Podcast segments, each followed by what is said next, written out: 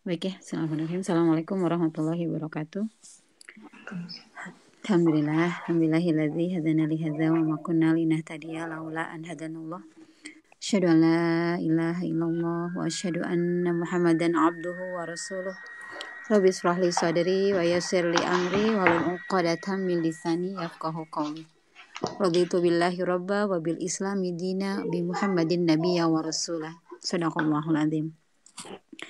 Uh, Alhamdulillah segala puja dan puji kehadirat Allah Subhanahu wa taala yang telah kembali mempertemukan kita di kajian rutin uh, tafsir analitik uh, IMSA Sister insyaallah. Salawat dan salam semoga senantiasa terlimpah kepada kedua hasanah kita Rasulullah Muhammad Sallallahu Alaihi Wasallam beserta sahabat, kerabat, keluarga dan juga uh, para pengikutnya sampai akhir zaman. Amin ya rabbal alamin. Uh, sister sekalian, uh, senang kembali kami dari tim kajian tafsir Insa Sister menjumpai sister semua, para peserta dan juga pendengar setia kajian ini. Semoga semua dalam keadaan sehat walafiat ya, insya Allah amin. Uh, malam hari ini kita akan kembali melanjutkan kajian tafsir Quran Surat Al-Qiyamah bagian kedua yang akan dimulai dari ayat ke-22 sampai selesai insya Allah. Baik, uh, sebelum kita mulai ke kajian inti, kita akan sama-sama menyimak tilawah Al-Quran, Quran Surat Al-Qiyamah ayat 22 sampai 40 yang akan dibacakan oleh Mbak Rini. Saya persilahkan Mbak Rini. Baik. أعوذ بالله من الشيطان الرجيم وجوه يومئذ ناظرة. إلى ربها ناظرة. ووجوه يومئذ باسرة. تظن أن يفعل بها فاقرة. كلا إذا بلغت التراقي. وقيل من راق وظن أنه الفراق والتفت الساق بالساق إلى ربك يومئذ المساق. فلا صدق ولا صلى ولكن كذب وتولى ثم ذهب إلى أهله يتمطى أولى لك فأولى ثم أولى لك فأولى أيحسب الإنسان أن يترك سدى ألم يكن نطفة من مني يمنى ثم كان علقة فخلق فسوى. فجعل منه الزوجين فجعل منه الزوجين الذكر والأنثى. أليس ذلك بقادر على أن يحيي الموتى؟ Artinya, Wajah-wajah orang mukmin pada hari itu berseri-seri, memandang Tuhannya. Dan wajah-wajah orang kafir pada hari itu muram. Mereka yakin bahwa akan ditimpakan kepadanya malapetaka yang sangat dahsyat. Tidak, apabila nyawa telah sampai ke kerongkongan. Dan dikatakan kepadanya, siapa yang dapat menyembuhkan? Dan dia dan bertaut betis kiri dengan betis kanan. Kepada Tuhanmu lah pada hari itu kamu dihalau. Karena dia dahulu tidak mau membenarkan Al-Quran dan Rasul dan tidak mau melaksanakan sholat. Tetapi justru dia mendustakan Rasul dan berpaling dari kebenaran. Kemudian dia pergi kepada keluarganya dengan sombong. Celakalah kamu, maka celakalah. Sekali lagi, celakalah kamu, manusia, maka celakalah. Apakah manusia mengira dia akan dibiarkan begitu saja tanpa pertanggungjawaban? Bukankah dia mulanya hanya setetes mani yang ditumpahkan ke dalam rahim? Kemudian mani itu menjadi sesuatu yang melekat. Lalu Allah menciptakannya dan menyempurnakannya. Lalu dia menjadikan darinya sepasang laki-laki dan perempuan. Bukankah Allah yang berbuat demikian berkuasa pula menghidupkan orang mati? Sadaqallah. Sadaqallahul Masya Allah. Alhamdulillah. Jazakallah khairan Mbak Rini sudah membacakan tilawahnya. Uh, luar biasa ya kalau kita tadi menyimak arti dari surat Al-Qiyamah ini. Uh, saya yakin sister semua sudah tidak sabar menunggu lanjutan dari kajian pekan lalu. Apalagi di bagian kedua ini Masya Allah. Uh, menggambarkan sebuah kondisi, situasi apa yang akan terjadi nanti ketika setelah hari kiamat begitu. Uh, baik kisah sekalian, uh, untuk lebih jelasnya ya, kita akan sama-sama menyimak penuturan langsung materi tafsir ini dari Ustaz Saiful Bahri. Insya Allah beliau sudah bersama-sama kita, bersama-sama di tengah-tengah kita. Assalamualaikum Pak Ustadz. Waalaikumsalam. Alhamdulillah. Uh, apa kabar Pak Ustadz? Baik, Alhamdulillah. Alhamdulillah. Baik Pak Ustadz, kami sudah tidak sabar mendengar lanjutan uh, tafsir Quran surat Al-Qiyamah bagian kedua ini. Untuk itu saya serahkan kepada Pak Ustadz untuk menyampaikan materinya. Silahkan Pak Ustadz. Bismillahirrahmanirrahim. Assalamualaikum warahmatullahi wabarakatuh. الحمد لله الحمد لله الذي أخرجنا من ظلمات العدم بنور الإجاد اللهم صل وسلم وبارك على سيدنا محمد صلى الله عليه وسلم سيد الأمجاد وعلى آله وأصحابه ومن تبعه إلى يوم المعاد أما بعد معاشر المسلمين والمسلمات para pecinta Al-Quran, lebih khusus serta kajian tafsir online Imsa Sister. Kita bersyukur kepada Allah Subhanahu wa taala yang pada kesempatan kali ini di pagi hari di Indonesia dan malam hari di Amerika dan Kanada mempertemukan kita melalui surat Al-Qiyamah surat yang bertema inti daripada hari akhir yaitu hari kiamat nanti ada empat empat tema besar yang Allah sebutkan untuk orang-orang kafir di ayat 34 dan 35 menggambarkan hal-hal yang mengerikan lebih mengerikan daripada sekedar hari kehancuran. Yang kedua, kita melanjutkan dari apa yang Allah tuturkan di dalam Al-Quran yang Allah berikan selingan pada pertemuan lalu yaitu ketika Nabi Muhammad SAW terburu-buru menggerakkan lisannya terburu-buru karena kangen dengan suara Jibril, karena rindu dengan suara Al-Quran, karena sangat dekatnya dengan Al-Quran, dan inilah yang seharusnya dilakukan oleh setiap muslim. Supaya apa? Supaya di ayat 20 dan 21 ini tidak terjadi pada setiap kita, yaitu orang-orang yang digambarkan tuhibbunal ajilah watadharunal akhirah. Sebagian besar manusia menyukai hal-hal yang bersifat instan dan melupakan hal-hal yang bertemakan masa depan jangka panjang. Mereka menyukai jabatan, karir, dunia, tetapi melupakan masa depan yang hakiki, yaitu kebangkitan setelah manusia dimatikan oleh Allah. Nah, di ayat 22 dan 40 sampai 40 kita menggambar membaca penggambaran yang sangat jelas dari Allah Subhanahu wa taala. Sekaligus kita mencoba untuk memvisualisasikan terkhusus mengapa Allah Subhanahu wa taala memberikan porsi yang besar bagi para pendusta, bagi orang-orang yang tidak mau percaya. Karena orang-orang yang beriman cukup diberikan gambaran singkat saja, maka mereka akan bisa melanjutkan penggambarannya. Karena mereka adalah orang-orang yang cerdas. Orang-orang yang cerdas adalah orang yang ketika diberikan sedikit penggambaran, mereka bisa melanjutkan.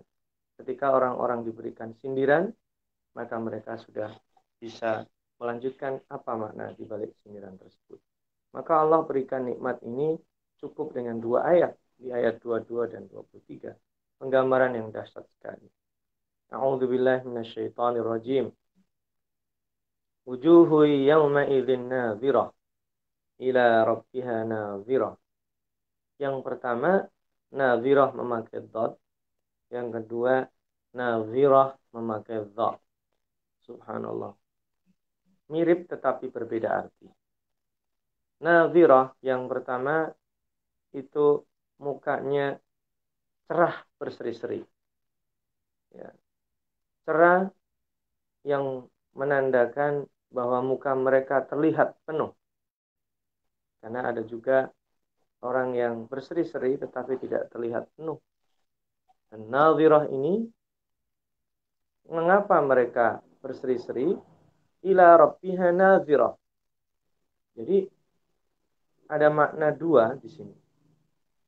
Orang berseri-seri ada sebabnya karena memang dia bahagia, ada sebabnya karena dia merasa senang, dia berseri-seri. Tetapi ini berseri-serinya orang adalah karena melihat Allah. Perjumpaan dengan Allah. Maka itu penggambaran yang sangat luar biasa. Ibu-ibu sekalian yang dimuliakan Allah, muslimat, seakidah dan saudara saya yang saya cintai karena Allah. Coba kita baca surat Yasin ketika Allah Subhanahu wa taala menggambarkan bagaimana permulaan seorang masuk surga. Ketika dia masuk surga Allah katakan salamun qawlan mir rabbir rahim. Dia mendapatkan salam. Qawlan mir rabbir rahim. Mohon maaf, tidak bermaksud menyamakan tetapi ingin memvisualisasikan saja. Kalau kita diundang jamuan makan malam, dinner, oleh raja. Lalu kemudian disambut oleh pejabat-pejabat istana. Kemudian dipersilahkan duduk. Ketika kita dipersilahkan di pintu masuk tersebut, orang yang menyambut kita, orang penting, orang dekat raja, mengatakan seperti hanya penduduk surga dikatakan, Salamun qawlan min Rabbir Rahim. Anda mendapat salam dari raja. Subhanallah. Kalau kita nitip salam, salam buat sang raja, itu ndak etis juga kalau kita ndak kenal. Kalau dia ndak kenal kita. Orang kalau menitip salam, berarti dia kenal yang dia titipi. Supaya salamnya disampaikan. Kalau sekarang yang terjadi sebaliknya, Anda mendapatkan salam dari raja, subhanallah. Itu sangat spesial sekali. Maka sangat wajar ketika penduduk surga ini berseri-seri. Kenapa? Karena dipastikan pasti sang raja akan datang menemui dia. Penduduk surga akan berjumpa langsung dengan pemiliknya. Karena kalau kita di dunia saja dijamu makan malam oleh raja tanpa dihadiri raja, kita aja udah senang. Orang-orang zaman sekarang kalau dipanggil ke istana acara di istana yang menemuinya mungkin panglimanya saja sudah senang. Mungkin sudah selfie-selfie. Sudah mengambil gambar sana sini dia pamerkan kepada orang-orang. Tetapi ini dia begitu sampai didapat salam dan salam tersebut bahasa Al-Quran min Rabbir Rahim dari Tuhan yang memberikan nikmat yang spesial. Bukan Rahman lagi, Rahim berarti akan ada kejutan-kejutan lain. Dia akan menemui Anda langsung. Kami hanya menyampaikan salam saja. Maka wajar orang-orang yang seperti itu, nah, will, ceria, berseri-seri. Ini yang puncak nikmat penduduk surga. Kalau puncaknya disebutkan, maka di bawahnya sudah including. Mas, maka kenikmatan apa saja yang ada di bawah melihat Allah itu bukan sirna, tidak terasa. Karena memang dia sedang menunggu-nunggu puncak kenikmatan penduduk surga, yaitu berjumpa Allah secara langsung. Rasulullah Shallallahu Alaihi Wasallam menggambarkan penglihatan manusia beriman yang bertemu Allah itu bagaikan mereka melihat bulan purnama yang hari-hari kemarin dekat ini seperti kita saksikan karena pertengahan bulan Rajab. Jadi kita lihat bulan purnama yang bulat, penuh, utuh, maka kira-kira seperti itulah Rasulullah Shallallahu Alaihi Wasallam memvisualisasikan. Jadi kita melihat wujud yang ada karena sumber dari wujud adalah Allah. Maka kesabaran orang beriman saat ini kalau ditanya, karena ada juga orang menulis God delusion, Tuhan itu delusi manusia. Tuhan itu yang menciptakan manusia. Karena itulah agama manusia berbeda-beda. Itu orang yang tidak cerdas justru. Karena dia tidak bisa mencoba bersabar untuk nanti ada saatnya berjumpa dengan Tuhan yang dia yakini ada. Maka manusia yang yakin itu ada, adalah orang-orang yang cerdas dan nanti akan mendapatkan kebahagiaan yang sempurna ketika berjumpa dengannya. Ini dua ayat pertama. Wa wujuhu yawma idzin basirah. Di sisi lain ada wajah-wajah yang muram. Wajah-wajah yang murung. Kalau kita baca surat lain dikatakan ada Hal ataka hadithul ghashiyah. Wujuhu yawma idzin khashi'ah. Khusyuk. Tertunduk. Malu. Ya. Mukanya murung. Beban, penuh beban. Karena dia tahu. Maka bahasa Al-Quran di sini. Tadunnu ayyuf ala biha faqirah. Bahasanya ayyuf ala biha. Dikerjain. Ditimpakan. Jadi bahasanya tidak disebutkan Eh, menggunakan mabni majhul bentuknya tidak aktif, pasif. Kata kerja pasif. Mereka mengira akan ditimpa, didapat, didapatkan diri mereka, diperlakukan fakirah. Fakirah ini yang tidak diingini oleh orang. Fakirah ini kesialan. Fakirah ini malapetaka. Fakirah ini yang disebut hal-hal yang semua orang nggak mau. Nah, itu disebut fakirah. Nah, ini dua penggambaran yang terbalik. Kalau tadi yang pertama penggambarannya adalah semua menginginkan perjumpaan dengan Allah. Tapi Allah tidak mau menjumpai orang-orang yang durjana, yang durhaka kepadanya. Dia akan mengutus malaikatnya saja. Kalaupun berbicara bisa jadi berbicara uh, tidak kelihatan. Tetapi ini mereka ketika muka-muka dan wajah mereka itu murung, maka itu disebabkan karena mereka sudah yakin sebelum difonis mereka akan ditimpa musibah yang tidak diingini oleh siapa saja. Kalla idza balagadit taraki wa qila man raq wa dhanna annahu al-firaq. Ini Allah ingin mereview orang-orang yang nyawanya sampai ke kerongkongan. Itu sakit. Dan dikatakan siapa yang bisa menyembuhkan? Mereka yakin oh perpisahan sudah dekat. Maka ini nanti digambarkan sama pada saat mereka nanti dibangkitkan. Jadi atau mungkin bahasa wal tafatisa kubisak ini istilah yang kita juga mengenal. Ketika betis-betis bertemu, itu maksudnya kalau kita kaki itu bergetar. Itu menandakan ketakutan. Nah, ketakutan orang seperti itu sudah pernah dirasakan pada saat sakaratul maut. Ketika nyawa sampai di kerongkongan dan mereka tidak ada harapan untuk disembuhkan karena sakit yang tidak bisa disembuhkan adalah sakaratul maut. Karena kematian adalah sesuatu yang pasti. Maka saat ada di tenggorokan nyawa, nyawa itu kan rahasia Allah.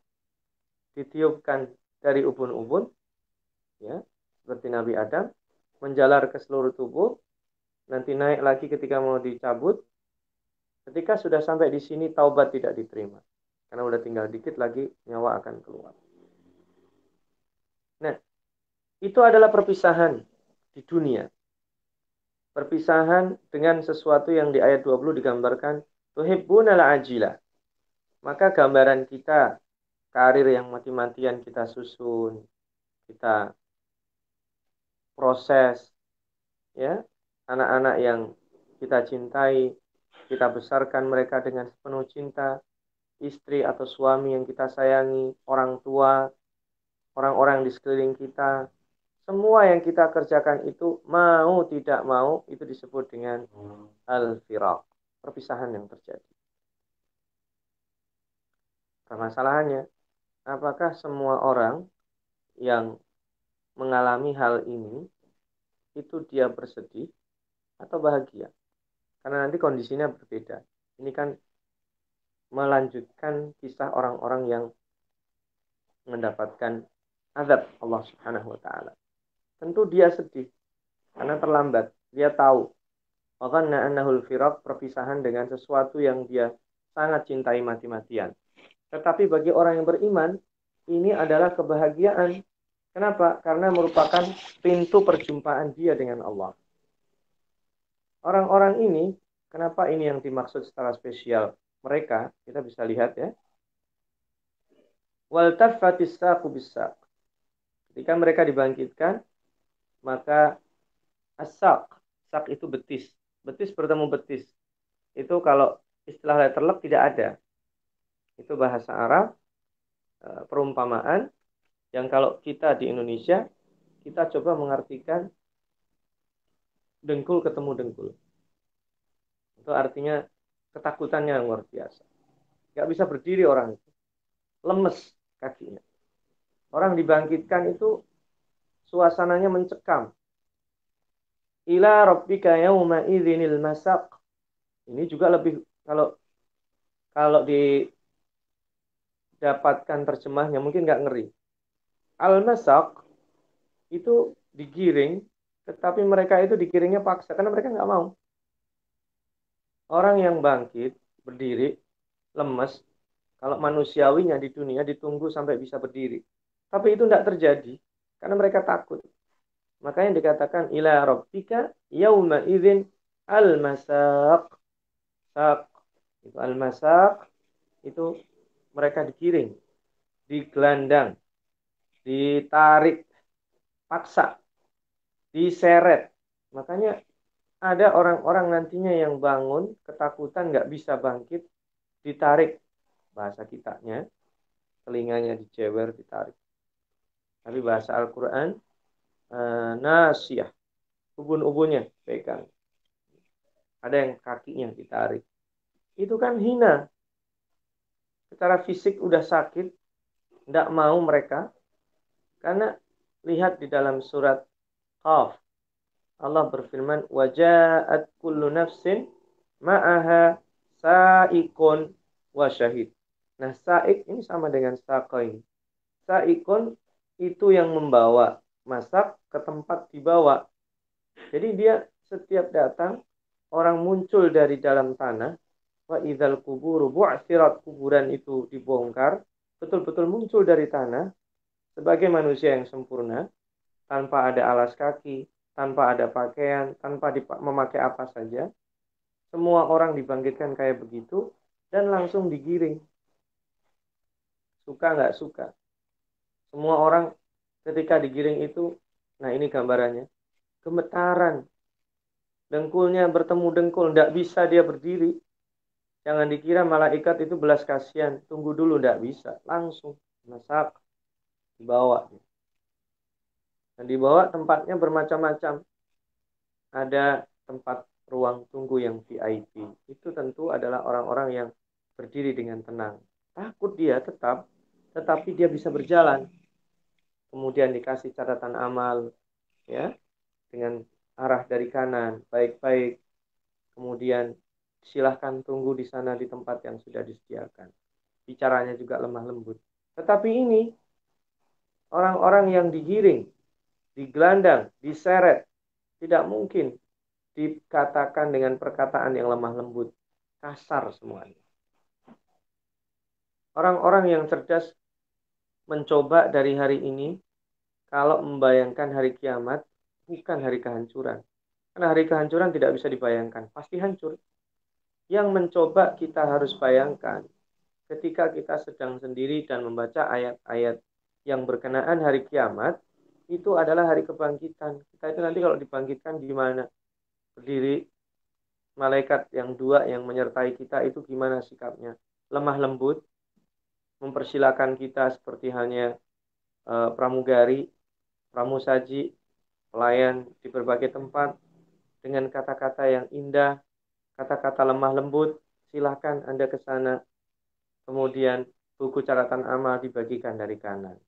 Itu pertanda baik. Tapi ada juga yang tadi digambarkan, mereka dikirim nggak mau. Ketika tidak mau itu, yang disebut dengan kecelakaan. Apa sebab mereka seperti itu digambarkan Allah? Fala saddaqa wala shalla. Mereka tidak mau membenarkan Al-Quran dan mereka tidak mau sholat. Ini menarik ya. Dan ini sekaligus kita introspeksi. Kita ini membenarkan hari kiamat, hari kematian. Itu bukan sekedar ya saya mati, ya nanti saya dibangkitkan. Tapi keyakinan itu menjadi action. Kalau sekedar yakin kita akan mati, itu semua orang melakukan itu. Tetapi menyiapkannya tidak semua. Dan ini fala artinya umum. Dimulai dari Al-Quran. Ini wala sodako Al-Quran. Wala sodako hari akhirat. Jadi yang kalau dijadikan tematik di sini adalah membenarkan hari akhir.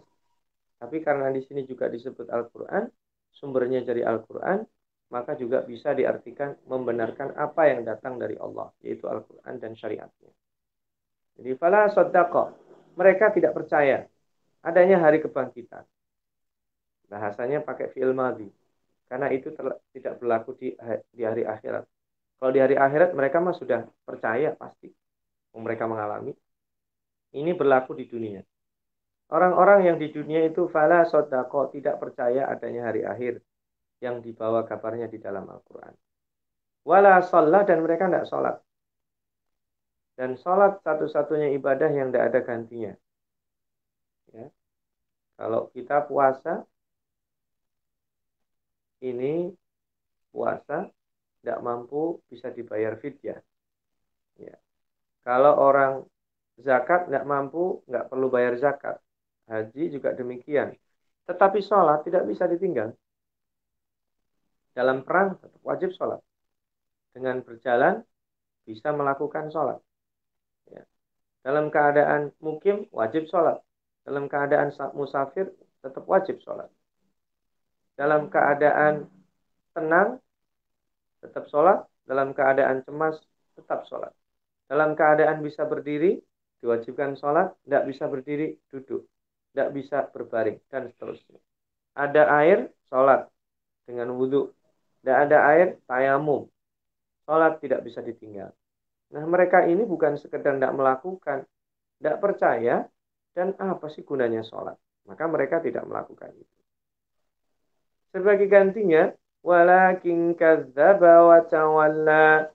Mereka ini mendustakan dan berpaling mendustakan hari kiamat, mendustakan Al-Quran, watawalla, kalau berpaling ini maknanya menjauhi. Maknanya bukan sekedar tidak percaya, dan dia berpaling kepada hukum-hukum selain Allah Subhanahu wa Ta'ala. Dia mendewa-dewakan akalnya, dia mendewa-dewakan orang lain yang lebih bermanfaat Nah, saya nggak ada gunanya berteman dengan orang beriman. Mereka semuanya bodoh. Dalam bahasa surat Al-Baqarah, sufaha. Ngapain saya seperti mereka? Jadi menghina. Watawalla berpaling.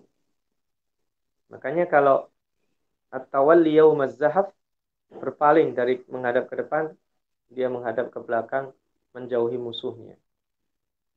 Maka berpaling dari istri artinya dia mencintai perempuan yang lain.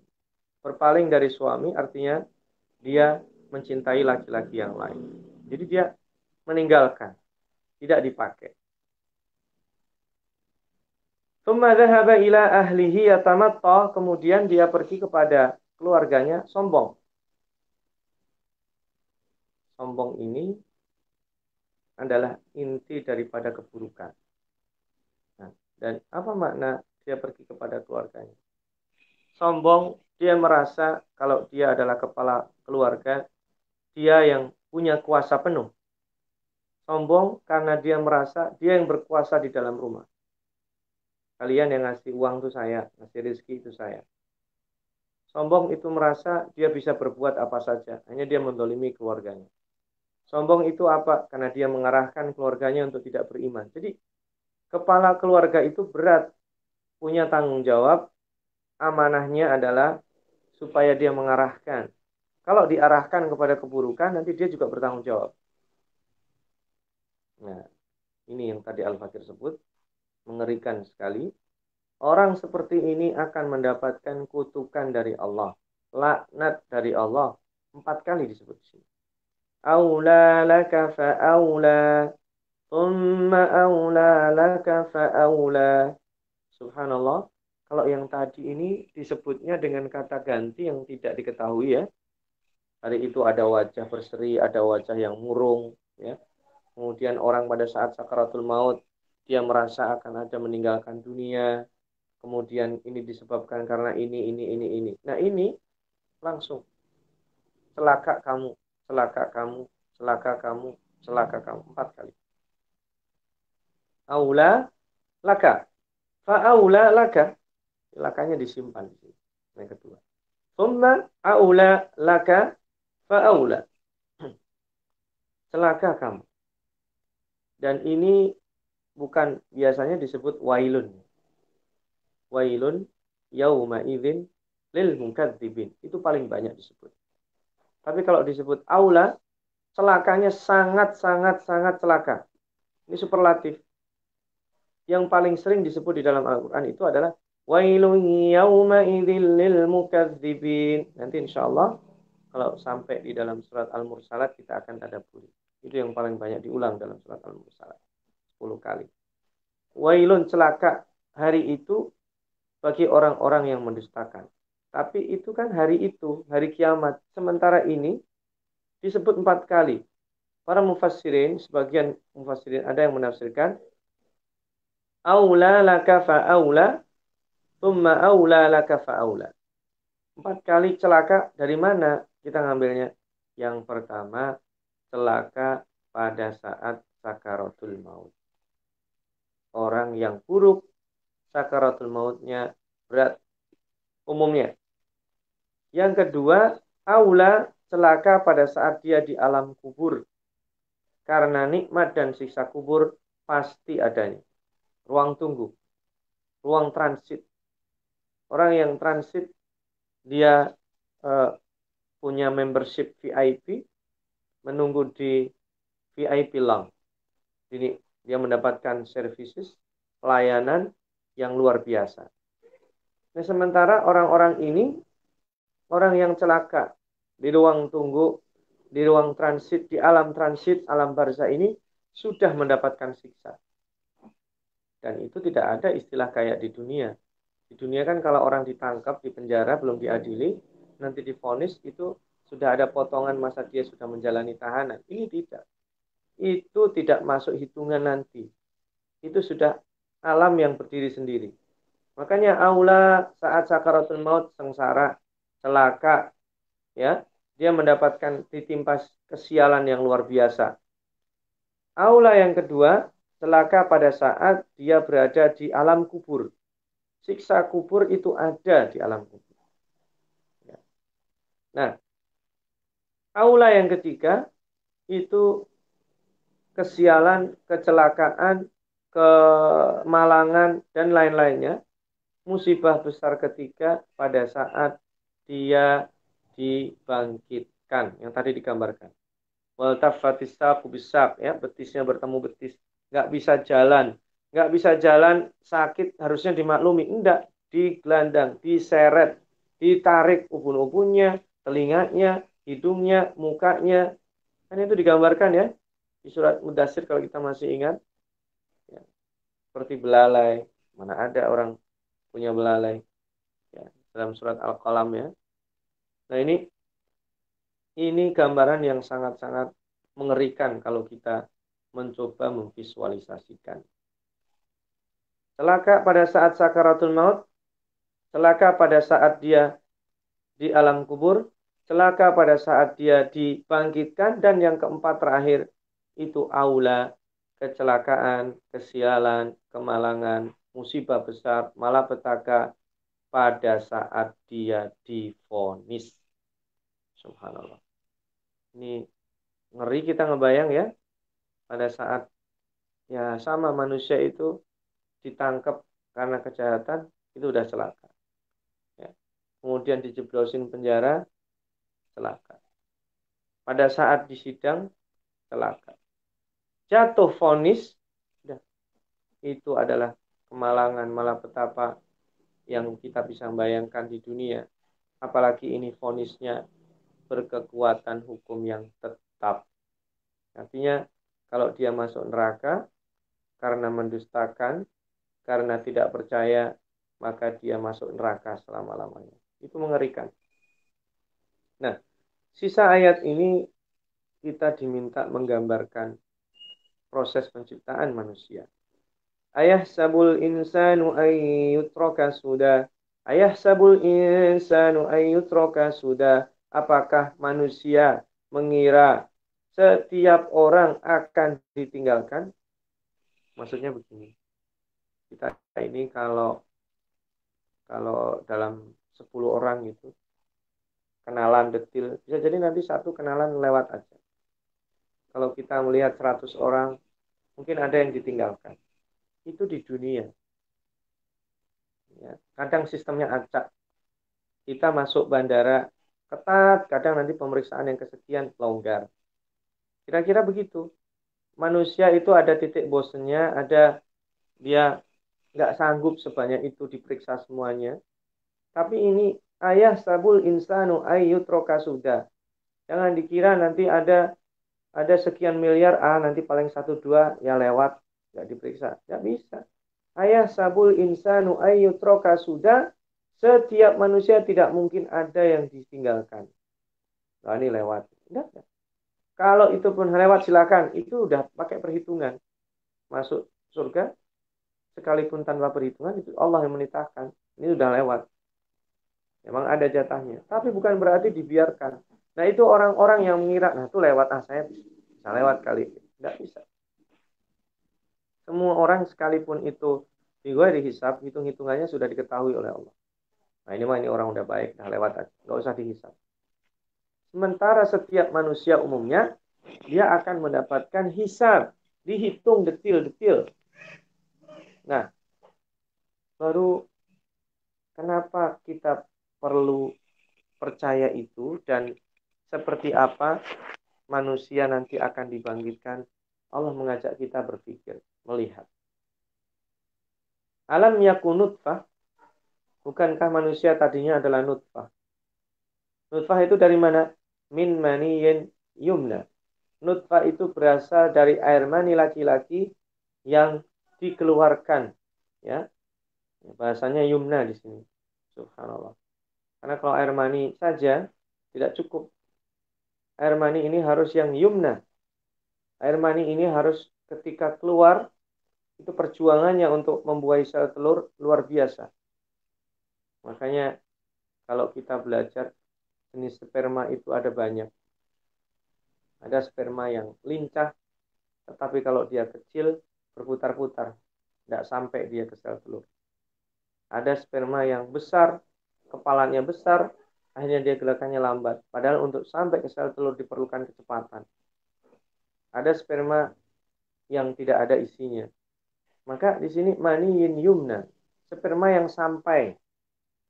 Yumna bahasanya yumna, ditumpahkan kalau diterjemahkan.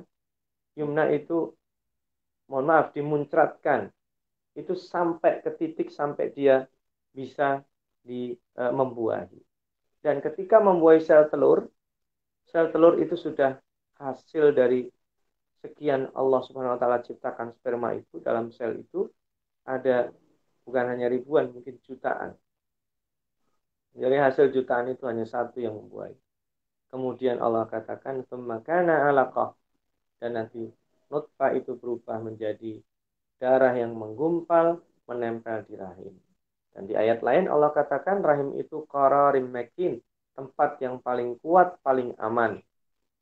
Maka dalam kesempatan lain mungkin kita akan uh, diskusikan istilah qararim makin itu adalah istilah rahim yang kuat. Maka kalau kita nanti mohon maaf ada uh, sebagian saudari-saudari kita yang setiap terjadi kehamilan gugur itu bukan karena rahimnya lemah, ada something di situ, ada masalah di situ. Entah karena uh, naudzubillah penyakit yang bernama A, B, C atau mungkin karena ada penyempitan uh, di dinding-dinding yang harusnya kembali kepada dinding rahim utama, ya, dan lain sebagainya. Nah ini uh, Allah katakan setelah alaqah dia bisa kembali ke dinding utama, dinding rahim, fakhalaqa dan ciptakan menjadi janin pesawwa sempurna dan kemudian keluar. Ini kalau ayat-ayat penciptaan manusia kita tadaburi subhanallah. Kita ini diciptakan dari sesuatu yang kita nggak kebayang. Perempuan ada air maninya, tetapi yang diambil Allah adalah sel telurnya. Dan itu bukan bukan seperti apa ditumpahkan. Dia mendapatkan dari sperma laki-laki yang sekian itu satu saja yang dibuahi. Satu saja. Tetapi satu ini juga perlu teman-temannya. Ada kompetisinya yang dibuat oleh Allah Subhanahu wa taala. Kemudian menjadi alaqah, kemudian menjadi mudghah, kemudian menjadi janin dan seterusnya sampai sempurna keluar. Prosesnya pun lama, 9 bulan kira-kira. Dan kita tidak membayangkan bagaimana 9 bulan itu seorang perempuan dengan kepayahan mengandung anaknya. Jadi ini proses. Kita mungkin pernah bersuatu ketika bertanya-tanya, kenapa Allah tidak ciptakan proses itu dalam satu hari, dalam dua hari? Karena manusia lupa. Manusia ini tabiatnya pelupa. Ini yang sembilan bulan aja akan bisa membuat dia lupa pada ibunya. Lupa pada orang tuanya. Lupa kalau dia itu dulunya siapa. Maka manusia itu kalau sedang lupa diri gitu disuruh ingat dulu kamu itu seperti apa jadinya dari sesuatu yang hina nggak mau kamu melihat memungut megah nggak mau. Dari situ daerah mana yang hina. Bau kotor. Kok sekarang sombong? Proses. Kamu menindas perempuan loh. Kamu punya perempuan yang dulu mengandung kamu selama 9 bulan. Kalau sudah kehamilan besar tidur sebelah kanan berat kiri berat, apalagi terlentang, tidak mungkin tengkurap. Maka manusia di sini uh, dari itu kemudian dikatakan baca alaminhu az-zaujain. Dari nutfah tadi itu nanti Allah jadikan selalu pasangannya. Maka ini membuktikan manusia tidak ada jenis kelamin ketiga. Kalau enggak laki ya perempuan. Maka naudzubillah dulu ketika Al Fakir membuat email pertama kali di tahun 98 atau 99 itu jenis kelamin cuma dua male female. Tapi sekarang kalau kita membuat email pasti ada jenis kelamin ketiga yaitu other. Kalau bukan male dan female apa jenis kelaminnya? Maka Allah subhanahu wa ta'ala ciptakan jenis kelamin kita cuma dua laki atau perempuan. Orientasi seksual kita ya cuma dua kepada laki-laki atau kepada perempuan. Dan ini merupakan fitrah manusia yang harus dijaga. Jika ada yang lainnya itu namanya penyelewengan. Itu namanya adalah hal-hal yang tidak normal yang kita tidak boleh mentolerirnya. Kalau ada, kita rehabilitasi. Kalau ada yang memobilisasi, kita harus lawan secara hukum. Meskipun dunia internasional sekarang, trennya adalah membela mereka. Lalu Allah katakan di akhir ayat ini, surat ini, Alaysa dzalika biqadirin ala ayyuhyal mauta. Bukanlah zat yang menjadikan itu mampu untuk menghidupkan. Itu kan menciptakan. Menghidupi lagi, ini gampang. Ibarat kata gini, kalau ada orang bisa membuat mobil, mobil itu rusak, hancur, bisa nggak benerin? Ya, jangankan uh, benerin, membuat dari awal aja bisa, kira-kira begitu. Nah, ini orang-orang yang mendustakan hari kiamat adalah orang-orang yang tidak pernah berpikir. Ini Al-Fakir akan tutup dengan uh, sabda Rasulullah Shallallahu Alaihi Wasallam. Al-Kayyis orang yang cerdas adalah mantana nafsahu wa amila lima ba'dal maut. Orang yang merendahkan, menekan, mengalahkan, menahan hawa nafsunya dan dia berpikir ke masa depan. Wa amila lima ba'dal maut. Jadi dia berbuat untuk sesuatu setelah uh, kematiannya nanti. Jadi orang-orang yang cerdas adalah orang yang berpikir futuristik, uh, visioner. Nanti saya kalau dibangkitkan saya tidak mau ini kayak gini. Ketakutan tidak bisa jalan. Saya maunya berjalan tegak. Ini malaikat yang menyambut saya ramah. Yang saya dikasih catatan dari tangan kanan. Kemudian saya ada di ruang tunggu VIP. Itu visi masa depan yang harusnya kita pikirkan sekarang. Saya dikumpulkan bersama orang-orang baik. Nanti kalau bisa saya masuk surganya bigoiri hisab. Itu visi yang harus kita pikirkan. Nah, ini sementara satu lagi orang-orang yang mendustakan, tidak percaya itu adalah orang-orang yang rugi karena mereka diberi akal tetapi mereka bodoh tidak menggunakan akalnya untuk berpikir adanya hari kebangkitan. Terakhir sebagai konklusi dua pertemuan, surat Al-Qiyamah dan ini faktanya yang menjadi terkenal adalah representasi hari akhir. Dalam bahasa Indonesia kita sering menyebutnya hari kiamat. Karena hari kiamat hari yang paling menegangkan. Bukan hari kehancuran. Bukan hari manusia mati, hilang, binasa. Tidak. Yang paling menegangkan adalah saat manusia dibangkitkan dari kematiannya karena nanti ada sekian proses yang dia tidak tahu proses itu seperti apa. Tapi dengan ayat ini kita tahu ketika manusia dibangkitkan saja dia udah merasa dilihat dari mukanya. Yang satu berseri-seri, yang satu muram. Berseri-seri mendapatkan salam dari Allah dan yang satu muram karena dia sudah yakin sepertinya kesialan, malapetaka, kemalangan akan menimpanya. Mudah-mudahan kita menjadi orang-orang yang dibangkitkan dalam keadaan yang berseri-seri dan dijauhkan memiliki wajah dan muka yang muram, yang tertunduk malu karena kesalahan-kesalahan yang sepertinya seharusnya bisa kita hindari. Itu saja sebagai prolog mukadimah uh, diskusi kita di menit-menit yang akan datang. Silakan jika ada yang mau didiskusikan. Mohon maaf atas kekurangan dan keterbatasan. Saya kembalikan kepada pengarah acara. Wassalamualaikum warahmatullahi wabarakatuh. Waalaikumsalam warahmatullahi wabarakatuh. Insya Allah. Alhamdulillah, uh, Sister sekalian, demikian tadi materi yang disampaikan oleh Ustaz Saiful Bahri. Kelanjutan dari materi sebelumnya dan masya Allah ya luar biasa sekali. Saya yakin kita semua sudah menyimpan banyak pertanyaan untuk lebih